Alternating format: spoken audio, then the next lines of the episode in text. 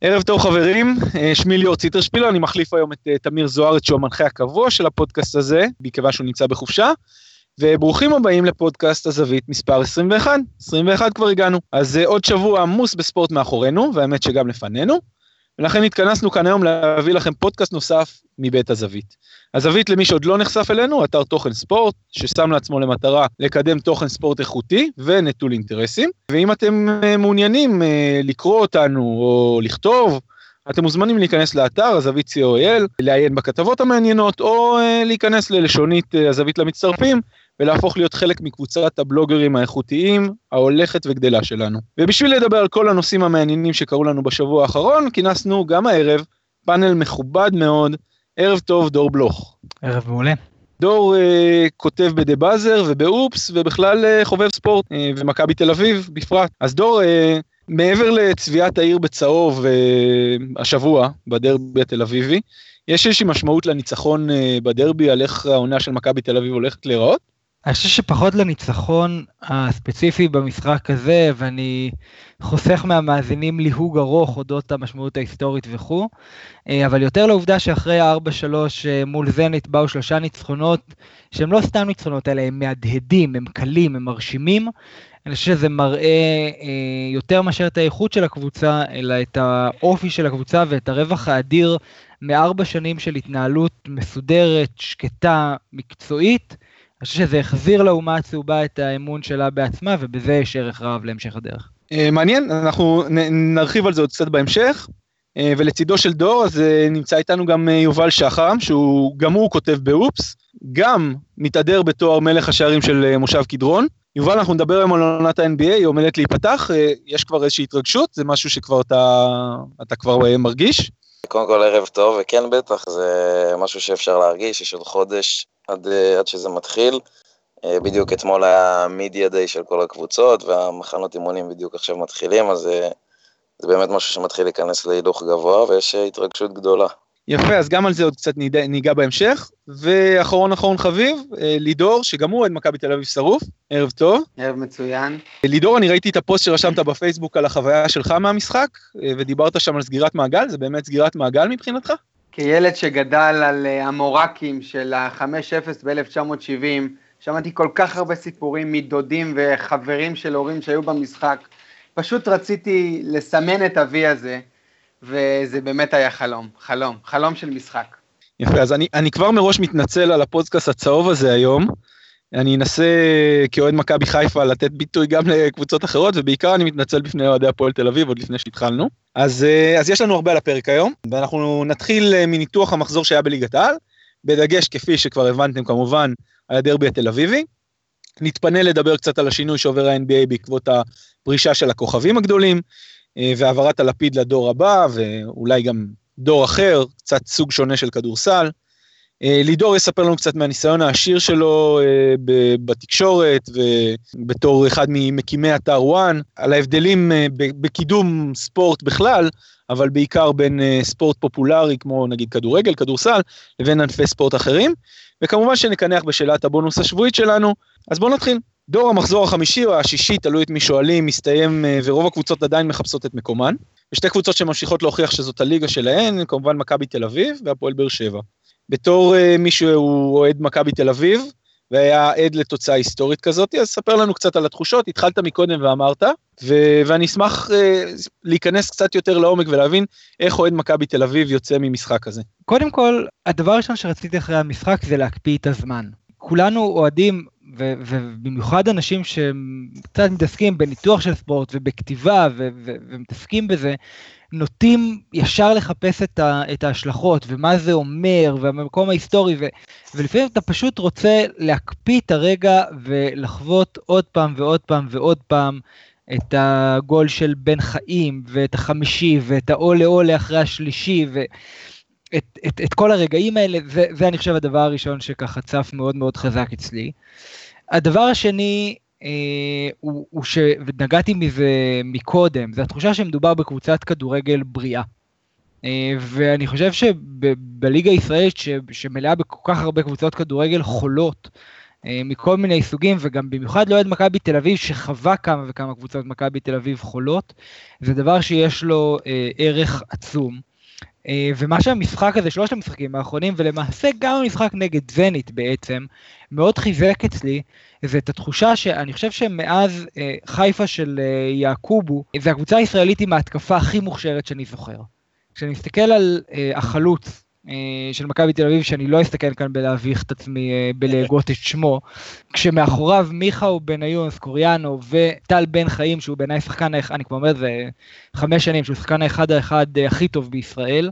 אני לא זוכר התקפה כל כך מוכשרת מאז, מאז חיפה של האיגביני, אפשר להתווכח על זה, אבל זאת דעתי, ואני חושב ש-18 גולים בשישה מחזורים, כשה... יריבה, המקום השני בהכי הרבה שערים בליגה זה הפועל חיפה עם, אה, עם 11, אני חושב שזה אומר הרבה. זה, זה מעניין שאתה אומר את זה, כי אני לא בטוח שלפני השלושה מחזורים האלה, ולפני זנית אולי גם, אז uh, הדברים היו נאמרים אותו דבר, אבל uh, זה, זה מעניין. יובל, uh, מכבי תל אביב בלי זהבי, וזה לא היה ברור בדיוק לאן זה ילך, אולי זה מתחבר לנקודה ש, שגם דור דיבר עליה, אבל uh, נראה שבכל זאת משהו כן מתחבר. הייתה איזושהי ציפייה שבאמת אה, במשחק מול הפועל תל אביב אה, זה יתפוצץ ככה? אני חושב שספציפית נגד הפועל תל אביב, אם תשאל כל אוהד מכבי, כן הייתה ציפייה, פשוט כי גם בלי ערן זהבי, ההבדלי רמות כל כך גבוהים אה, וכל כך גדולים, למרות שזה דרבי, אז כן הייתה ציפייה אולי בנוגע למשחק הספציפי הזה, אני חושב אבל שהתוצאות ואיך שמכבי נראית העונה באופן כללי, זו הפתעה די גדולה לכל אוהדי מכבי, ואני חושב שגם לאנשים שמנהלים את מכבי, אני... בטעות נקלעתי לשיחה עם ג'ורדי קרויף בדיוק ביום ש... שערן זהבי ירד מהמטוס ל... לסין מהמחנה אימונים, אה, והבן אדם היה נשמע שבור. אה, ואני חושב שגם ההנהלה של מכבי וגם האוהדים לא האמינו ש... שיצא מזה משהו כל כך טוב, לפחות נכון לעכשיו. אה, ואני חושב שבאמת עידן פוסט זהבי זה עידן יותר בריא למכבי תל אביב, כי מכבי תל אביב נראית הרבה יותר מסוכנת והרבה יותר מגוונת. אה, והדרבי הייתה דוגמה אחת, וזנית הייתה דוגמה שנייה, למרות שזה נגמר בטרגדיה. אה, ועד עכשיו זה נראה טוב, וגם אה, באמת השקיעו את הכסף במקומות שנראים כנכונים, עם סקריונה ועם קיארטנסון, כך שאני חושב שעידן פוסט זהבי הוא בינתיים מפתיע את כולם. אני מסכים עם זה, אני חושב שמכבי תל אביב אולי קצת יותר קבוצה השנה, ולידור זה מוביל לנקודה הבאה, העזיבה של זהבי באמת פתחה את הדרך לשחקנים שעד עכשיו היו אולי טיפה בצל שלו, ככה לצאת מהצל? תשמע, זו שאלה טובה, אבל uh, עכשיו אנחנו רואים מה קורה עם בן חיים. ובן חיים בעצם תופס את המשבצת של זהבי, ויכול להיות שהוא פתאום ייתן עונה בלתי נשכחת, ובקיץ יעזוב, ושוב, ושוב יקרה בדיוק אותו דבר. אז אני מאוד מאוד מקווה ש, שתהיה קצת יותר קבוצתיות, שקצת יותר שחקנים יכבשו. שנה שעברה, לפני שנתיים, כמעט ולא היו שחקנים שיכלו להכניס את הכדור לרשת. ועכשיו יש לנו חלוץ זר, סוף סוף איכותי, ויש את בן חיים, יש קצת יותר שחק, גם סקריונה, גם את דוניאנין, פתאום יש שחקנים שיכולים לכבוש, וזה כמעט ולא היה במכבי. אני חושב שזה הכי בא לידי ביטוי אה, עם גיבור דווקא. גיבור, אני, אני לא מחסידיו אה, לצערי, כי הוא עושה תנועה מדהים, באמת, הוא, לא ראיתי מאז, חוץ מערן זהבי, עוד שחקן שעושה כל כך הרבה תנועה לתוך הרחבה בתוך, בזמן משחק. הבעיה היא שרוב הכדורים שהוא מקבל הם מעולים, אבל הוא מחטיא אותם, וזה מתסכל מאוד, מאוד מתסכל כאוהד, ואני חושב שגם את הקבוצה. חוץ ממנו באמת, גם מיכה הוא קצת יותר כביש משנים uh, קודמות, ו- וזה הרבה יותר בריא בשביל קבוצה, הרבה יותר. למרות שאם היית שואל אותי וערן זהבי היה יכול לחזור, הייתי מקבל אותו בזרועות פתוחות. אני חייב מילה על, על המילה קבוצתיות. פעם שמעתי את uh, מליניאק אומר שלפעמים קבוצתיות זה למסור כל פעם את הכדור לאותו שחקן ולעבוד בשבילו. ואני אני, אני לגמרי מבין את מה שלידור אמר ואני לא, לא מתווכח עם זה, אני רק רוצה להגיד שאני אה, לא חושב שמכבי תל אביב הייתה קבוצה לא קבוצתית כשזהבי הבקיע 40 גולים. שהקבוצה עבדה בצורה קבוצתית מאוד מאוד יפה, כדי למקסם את היתרון שלה שהיה ערן זהבי. והשנה הקבוצתיות שלה היא אחרת והיא מגוונת יותר והיא שונה, אבל אני חושב שגם בשנה שעברה מכבי תל אביב הייתה קבוצה קבוצתית. אני מסכים איתך אגב, אני מסכים איתך לגמרי, רק שחסר המצב הזה שכל הקבוצה יכולה לכבוש. אתה מבין? שנה שעברה אם זהבי לא היה כובש, היית, היית רואה שהקבוצה פשוט נעצרת, לא מצליחה. וכשהוא לא כובש בגמר גביע, אז לא לוקחים גביע. אני מסכים עם זה לגמרי. טוב, אז בואו בוא נדבר קצת על היריבה העירונית, בכל זאת היה גם איזה, אה, לא רוצה לומר שטיח במשחק הזה. אה, הפועל תל אביב התחילה את העונה רע מאוד, לפני המשחק הזה הייתה עם שתי נקודות אה, אחרי ארבעה מחזורים. והיה נדמה שגוטמן מבין שאם הוא לא עושה איזשהו שינוי חד אז זה לא, זה לא הולך להיגמר טוב. הוא הביא את גיא לוזון, וגיא לוזון זה, זה מאמן שאני חושב שידוע באנרגיות שהוא מביא לקבוצה. דור, בתור אוהד מכבי תל אביב, היה איזשהו חשש לפני המשחק שהפועל תל אביב בעקבות השינוי הזה הולכת לעשות משהו אחר? אפילו לא קצת. אני חושב ש, ש, שהיה די ברור שאלי גוטמן, שהוא לדעתי מאמן כדורגל מצוין, פשוט הפסיק להיות מאמן כדורגל, הרבה לפני שהוא עבר להיות general אה, manager, והוא התחיל לעסוק במשרה מלאה בגנבת דעת. והמהלך האחרון הוא, הוא חלק מהקו הזה, ו, ובאיזשהו מקום זה אפילו מצער, כי אני רוצה את הפועל תל אביב כפייט, אני רוצה את הפועל תל אביב כ, כקבוצה להיאבק נגדה אה, בצמרת, הניצחונות הרבה יותר מתוקים בדרבי ככה, והאליפויות הרבה יותר מתוקות כשהם אה, הושגו אחרי מאבק נגד אה, אה, הפועל תל אביב. הפועל תל אביב היא קבוצה שנבנתה עם סגל אה, ש...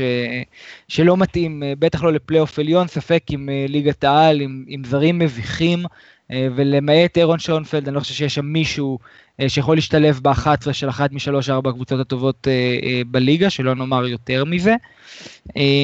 ועל גבי זה תוסיף התנהלות מאוד לא בריאה, תקשורתית, מקצועית מכל, מכל בחינה שהיא, תוסיף על זה התנהלות פיננסית לא אחראית שמובילה לזה שהמשכורות אה, בספק, ותוסיף לזה חילופים של אה, מאמן בצורה שברור לכולם שזה לא נעשה כי ה, מי שיזם את המהלך חשב שזה מהלך הנכון ביותר מקצועית לטובת הפועל תל אביב, אלא בגלל שהוא חשב שזה השיקול הנכון ביותר פוליטית ותדמיתית עבורו הוא עצמו.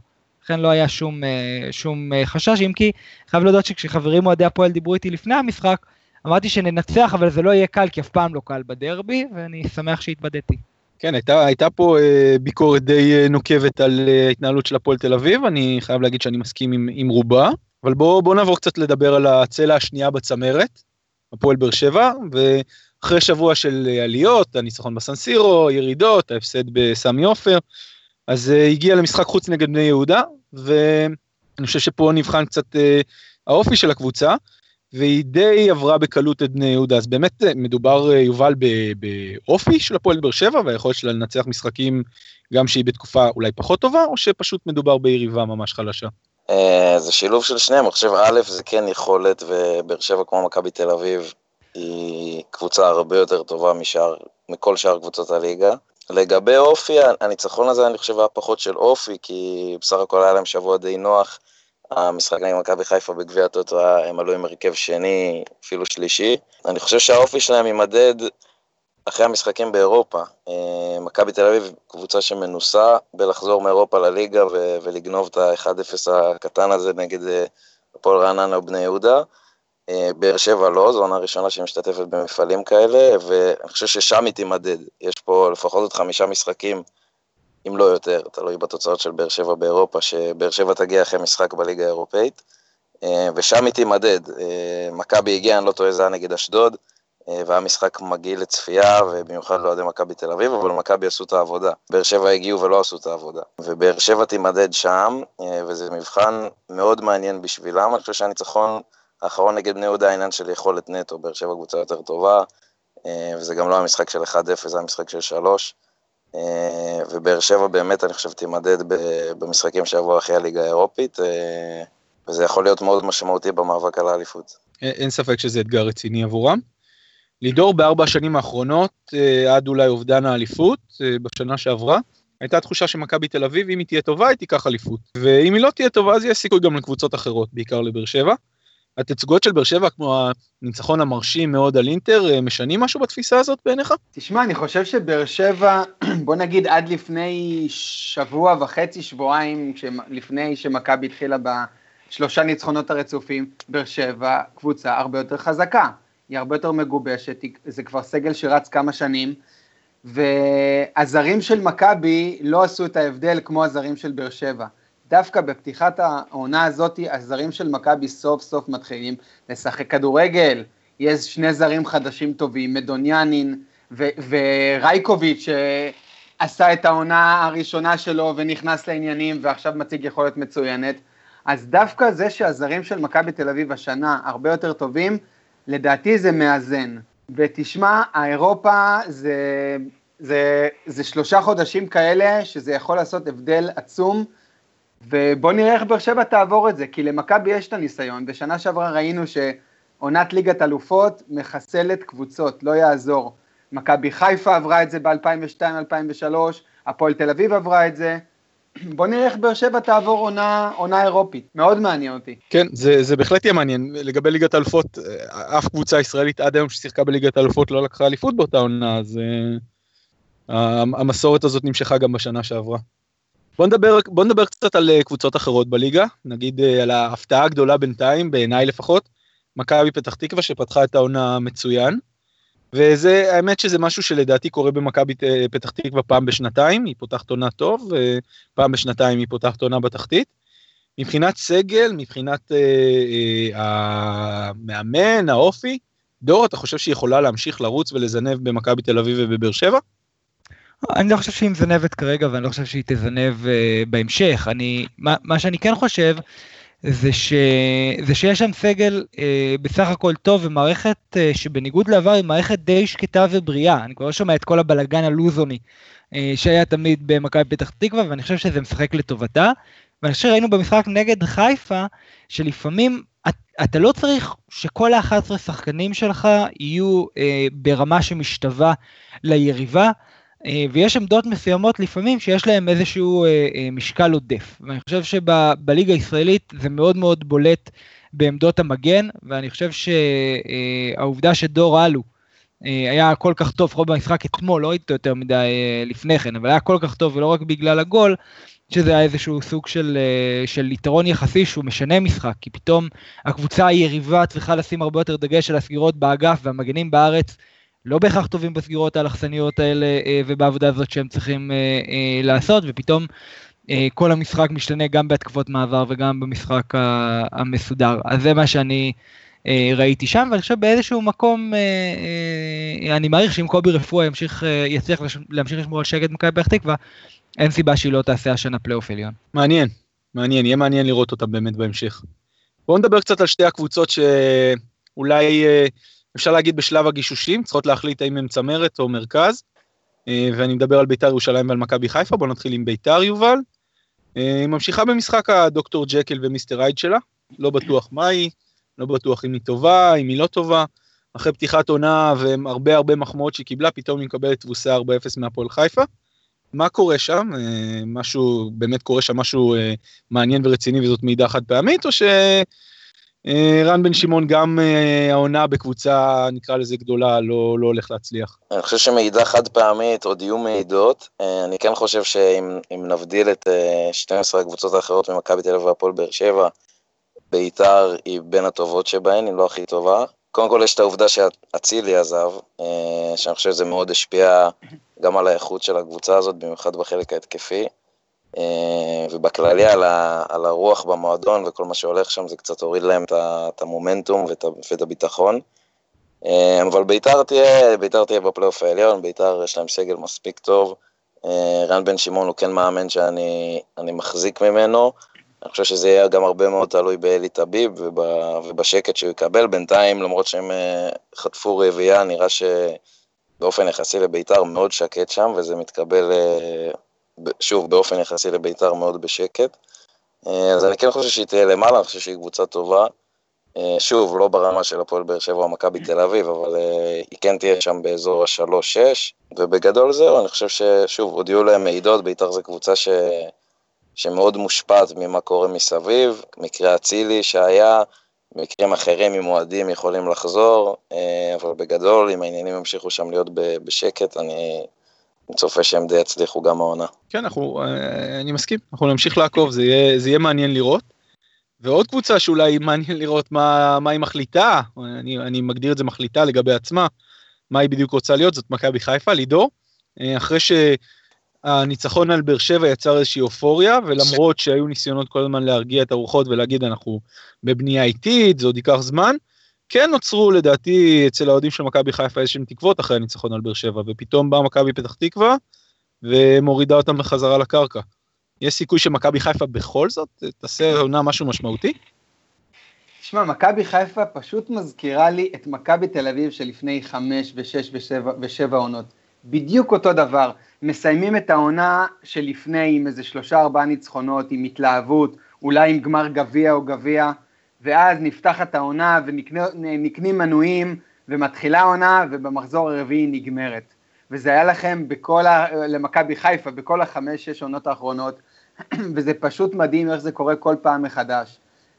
יש פה עניין, לדעתי, של ביטחון, ועכשיו ינקלה שחר הבין שאולי צריך באמת להביא מאמן זר ולהביא צוות זר, כדי שיוכל לתת קצת שקט למועדון, כי אין שקט למועדון. כל השנים האלה לא היה, לא היה את מכבי תל אביב של ג'ורדי, ולא היה את באר שבע, ולא היו יותר מדי מתחרות גדולות למכבי חיפה, אז גם בעונות פחות טובות שלה, היא הצליחה לקחת אליפות.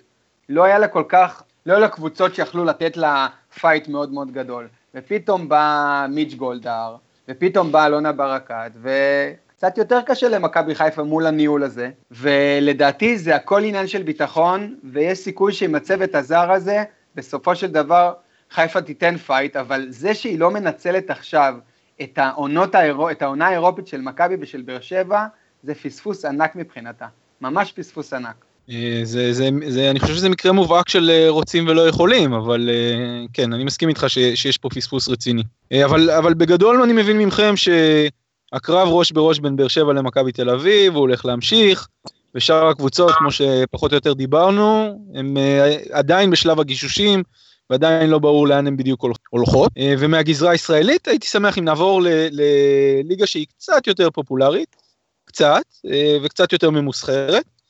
ואני מדבר על ליגת ה-NBA כמובן, והעונה ה-71 עומדת להיפתח עוד פחות מחודש, ולראשונה מזה 20 שנה, שלושה כוכבים גדולים לא יהיו שם, ולצד בריינט שפרש כבר בסוף העונה הקודמת, הצטרף אה, טים דנקן שפרש, והשבוע גם נודע שקווין גארנט לא ממשיך איתנו לעונה נוספת. זה מצטרף כמובן לפרישה של אמר סטודמאייר מה-NBA, שבא לחלטר קצת בהפועל ירושלים פה.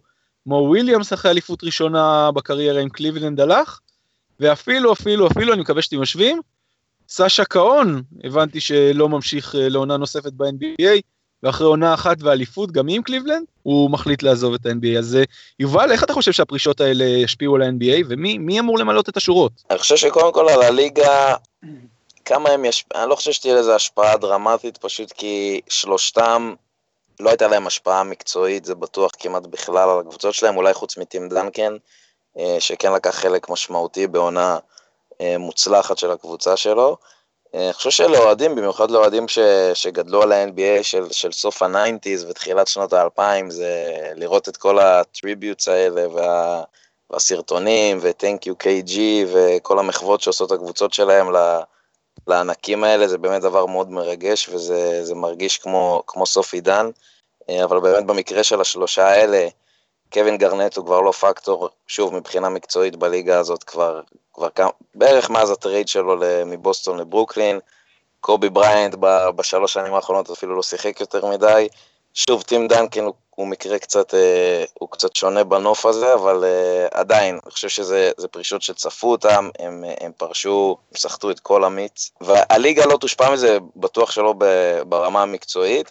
אה, ואני גם לא חושב שברמה התדמיתית יש מספיק כוכבים ענקיים חדשים, אה, שהם אגב כוכבים הרבה יותר גדולים גם היום עם כל הסושיאל מדיה וכל מה שקורה ממה שהיו בסוף שנות ה-90 ותחילת ה-2000 השלושה שפרשו. אה, כך שאני חושב שעבור הליגה, אתה יודע, אולי אפילו תדמיתית זה טוב, כי באמת יש את כל המחוות האלה עכשיו, ומדברים, וזה לפחות קובי בריינט ו... וטים דנקן באו בתקופות כאלה קצת אה, אפורות, שהיה פחות מה לדבר עליהם, יותר טים דנקן, אה, וזה כן נתן איזשהו צבע ומשהו לדבר עליו, אה, אבל את השלושה האלה אנחנו נמשיך לראות, לא על המגרש, אבל מסביב אני בטוח, והליגה עוד תרוויח מהם בצד הניהולי, או האימוני, או מה שזה לא יהיה. אז, אז מי בכל זאת הולכים להיות השחקנים האלה שייכנסו לצד לברון וקרי, ויובילו את הליגה הזאת קדימה, תדמיתית, מבחינת האיכויות והרמה, ברור שהשלושה האלה כבר לא היו מה שהם היו באמצע הקריירה שלהם. קודם כל אני חושב שלברון ו- וקרי ודורנט אה, ימשיכו להוביל את החבורה הזאת קדימה, יש המון כוכבים צעירים, ובאמת הדור הזה הוא, זה מטורף, איזה, איזה שחקנים ובאיזה רמה שחקנים מגיעים ל-NBA. אה, אם תיקח את מינסוטה, אפילו ספציפית את הקבוצה, יש לך שם את קרל אנטוני טאוונס, ש... שהוא, אני בטוח שספג המון מגרנט, ו- ואני יודע מכתבות ורעיונות שהוא ספג המון מקווין גרנט, אה, והוא דוגמה קלאסית למישהו שיכול, שוב, שלברון יפרוש ו- וקרי יפרוש עוד איקס שנים, אה, הוא אחד שיכול להיות שם, אה, במיוחד שהוא ישב ליד אחד כמו KG ו- וספג ממנו את הרוח ואת ה- וכמה דברים מקצועיים.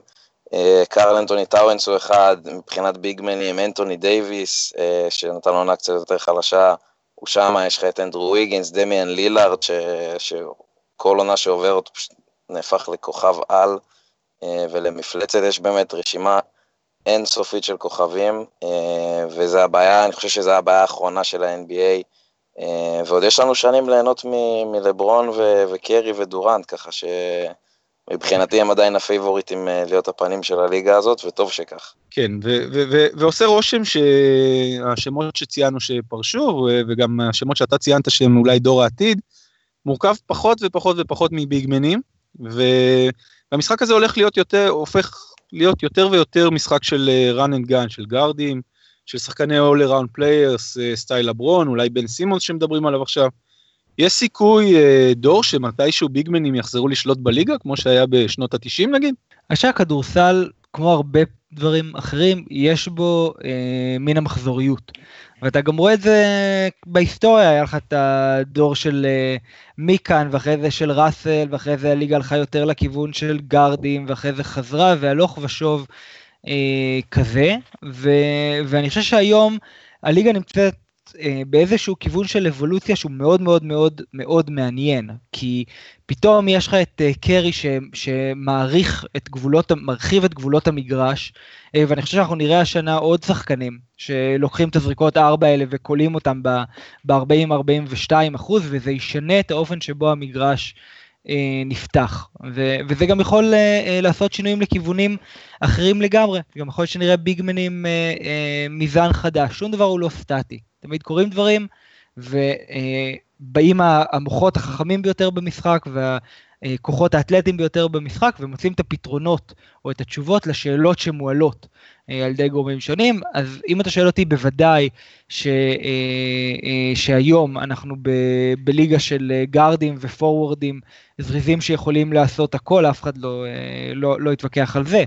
אבל יכול להיות שאנחנו בעתיד נחווה בזן חדש אה, של שחקנים, או של איזשהו גאון כדורסל שימצא דרך לנצל את היכולות הפיזיות המיוחדות של שחקן כמו דייוויס, אה, או קארל אנטוני טאונס, כדי להשיג אה, יתרונות יחסיים. כן, יהיה, יהיה מעניין לעקוב ולראות באמת אם, אם, אם באמת השרשרת הזאת, המעגל הזה חוזר על עצמו.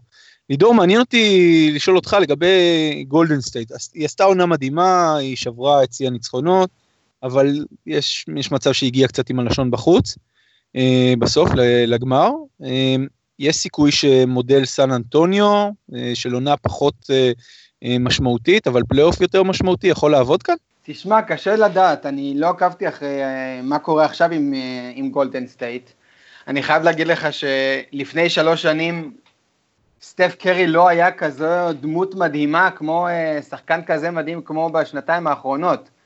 זה היה, אני, תשמע, אני כאחד שגדל בשנות ה-80 על, אה, על קרים אבדול ג'אבר ועל אה, ג'יימס וורטי ועל אה, כל הקבוצה המדהימה של הלייקרס ועל הקבוצה של בוסטון כמו קווין מקייל ולארי ברד, הוא הראשון שבאמת, חוץ מלברון, מזכיר לי שחקן שסוחב ככה קבוצה.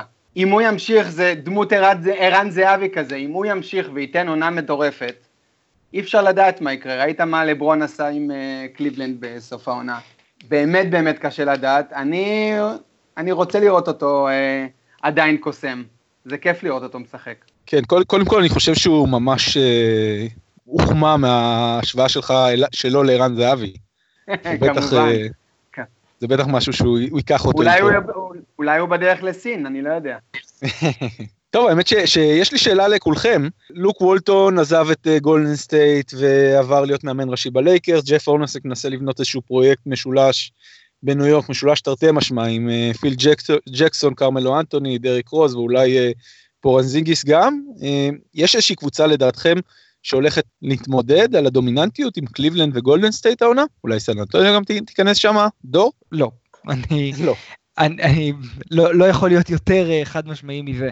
אני, אני, אני מסתכל על, ה, על הקבוצות אה, בליגה, על אה, פרויקט מעניין שעושים בשיקגו ו, וכל מיני דברים אחרים, וגולדן סטייט עם דורנט ו, וקליבלנד ש, שמאוד מאוד מאוד רוצה ללכת לכיוון של, של שושלת, ולברון מרגיש את שעון החול וסופר את שש הטבעות, קשה לי לראות משהו אחר קורה. כמה שאני מנסה, לא מצליח לראות את זה. יובל? קודם כל, בגדול התשובה היא לא, זאת אומרת, במיוחד בעונה הרגילה, אה, שזו עונה של 82 משחקים, אני חושב שאין פה, אין סרט שמישהי תתמודד עם קליבלנד או עם גולדן סטייט. אני כן חושב ש, שלטווח הארוך, זאת אומרת, אם אתה, אם אתה כבר נכנס לתוך הפלייאוף, אי אפשר לדעת, פשוט כי אני תמיד אומר ש, שהצלחה ברמת אליפות של קבוצה ב-NBA תלויה לפני הכל בבריאות של השחקנים שלה. אה, במיוחד בעונה ארוכה כל כך כמו ב-NBA, יש המון פציעות. אה, אנדרו בוגוט היה פצוע בחלק סדרת הגמר הקודמת, אני חושב שזה מאוד פגע בגולדן סטייט. אה, אז שוב, בגדול התשובה היא לא, אני לא חושב שאם זה בוסטון במזרח, או סן אנטוניו במערב, בעונה הרגילה התקרבו אפילו למספרים של, של גולדן סטייט ו- וקליבלנד. אני כן חושב שבמידה ו- ונראה פציעה משמעותית אצל אחת הקבוצות האלה בפלייאוף, אז כן, לפחות במערב, סן אנטוניו כן יכולה להתמודד אה, בסדרה עם גולדן סטייט, אה, במיוחד בשילוב של פציעות. אה, ככה שאני לא הייתי מספיד את העונה הזאת לגמרי, כבר תעברו לגמר של קליבלנד גולדן סטייט, אבל הם כן כרגע עם סגלים בריאים, בכמה רמות מעל השאר, אבל יהיה מעניין, יהיה מעניין מאוד. טוב, אנחנו, אנחנו עוד נעקוב, יש לנו עוד פחות מחודש לתחילת העונה, אני מניח שעוד ניגע בזה באחד הפודקאסטים העתידיים שלנו. ולידור, הייתי שמח שנדבר קצת על, אה, על עולם הדוברות ואולי תקשורת הספורט. לידור, אתה עם 16 שנה ניסיון בתקשורת הספורט, והעורך הראשי של אתר וואן בתחילת דרכו. והייתי שמח אם תספר לנו קצת מהניסיון שלך על כל מה שקשור בדוברות ספורט. איך עושים את זה, במה זה כרוך, אה, ואיך זה משפיע על הקהל הצופים, על האוהדים. קודם כל, תקשורת הספורט... אה, מאוד מאוד השתנתה בעקבות עליית האינטרנט. ואתה יודע מה, אני יכול אפילו ללכת עוד קצת אחורה. מאז עליית ערוץ 2, אני חושב שזאת הנקודה שתקשורת הספורט עשתה שינוי מאוד מאוד משמעותי. אני בתור uh, ילד בשנות ה-80 שקרא עיתון, ידעתי שמות של שחקני טניס שולחן בעל פה, כי היו להם כתבות, ועל שייטים, ועל שחקני כדורעף, והכרתי סגלים של כדור מים. ואם אתה תלך פעם לבית אריאלה ואתה תקרא עיתונים של שנות ה-80, אתה תראה שבאמת היו כתבות על ענפים לא אטרקטיביים, היו על זה כתבות של עמודים, לא איזה סתימה בעיתון כמו שמגדירים את זה. ומאז תרבות הרייטינג, וערוץ 2, ואחרי זה עליית האינטרנט, שאם לא לוחצים על הכתבה זה לא מביא אה, פרסומות וזה לא מביא כסף, עברנו לכדורגל בלבד.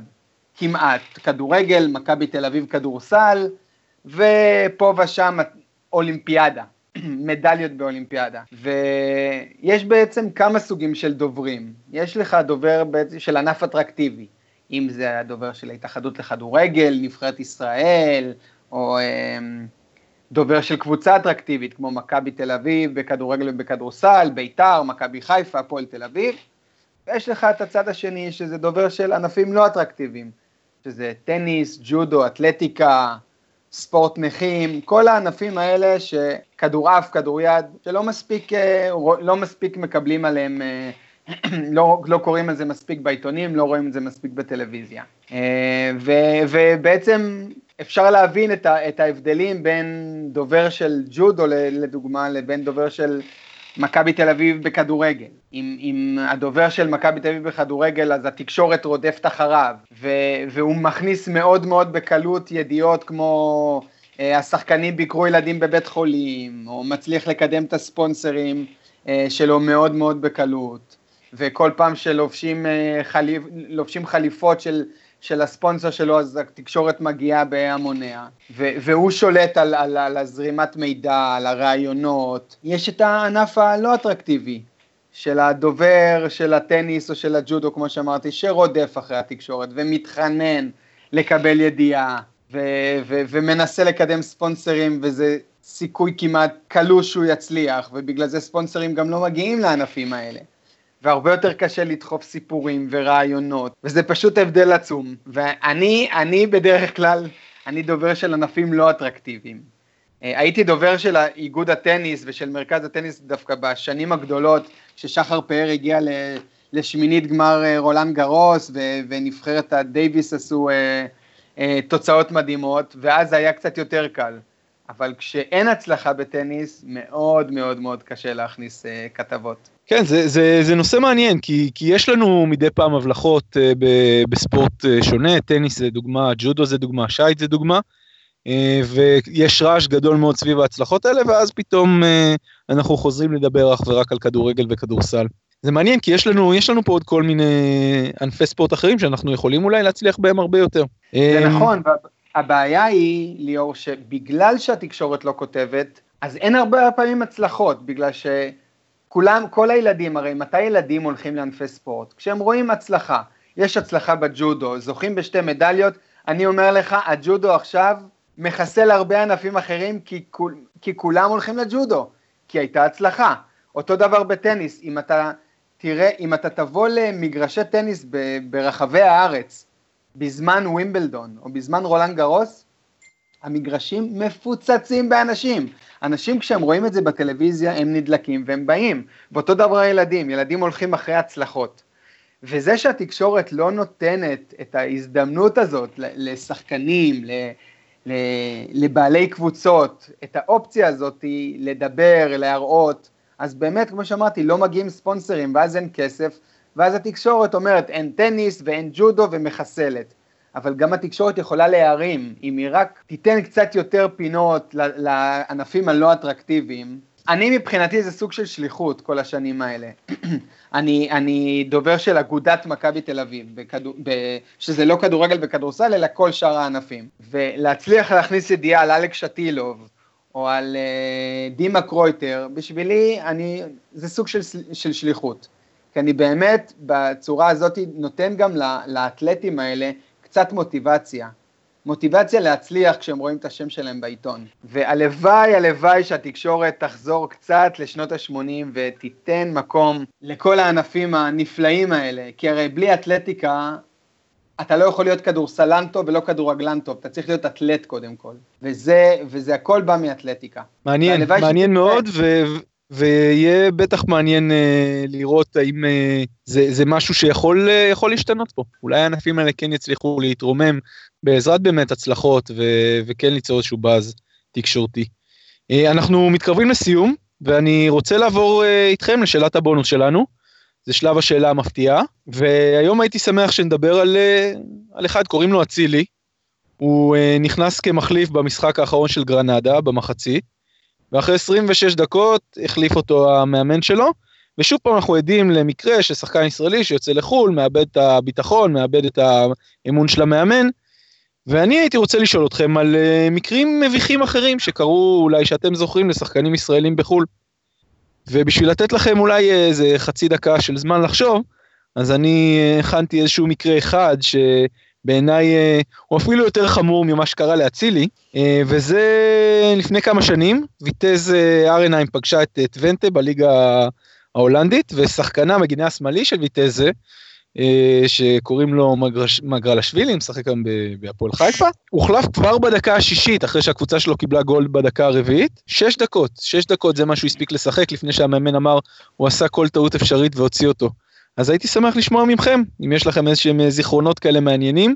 יובל? באמת שאלה מפתיעה, אני לא יודע אם זה, זה נכנס לאותה קטגוריה, אבל uh, עבורי לפחות, הסיפור הבעיטה המפורסם של אייל ברקוביץ' עם ארצון, אירוע די מביך. Uh, זה אומנם לא היה בזמן משחק, uh, אבל לפחות אצלי זה, זה זכור כאירוע מביך שקשור באיזשהו ספורטאי ישראלי באירופה. זאת אומרת, שוב, אותי לפחות זה מאוד הביך בתור ישראלי, ואחד שברקוביץ' מייצג אותו באיזושהי צורה.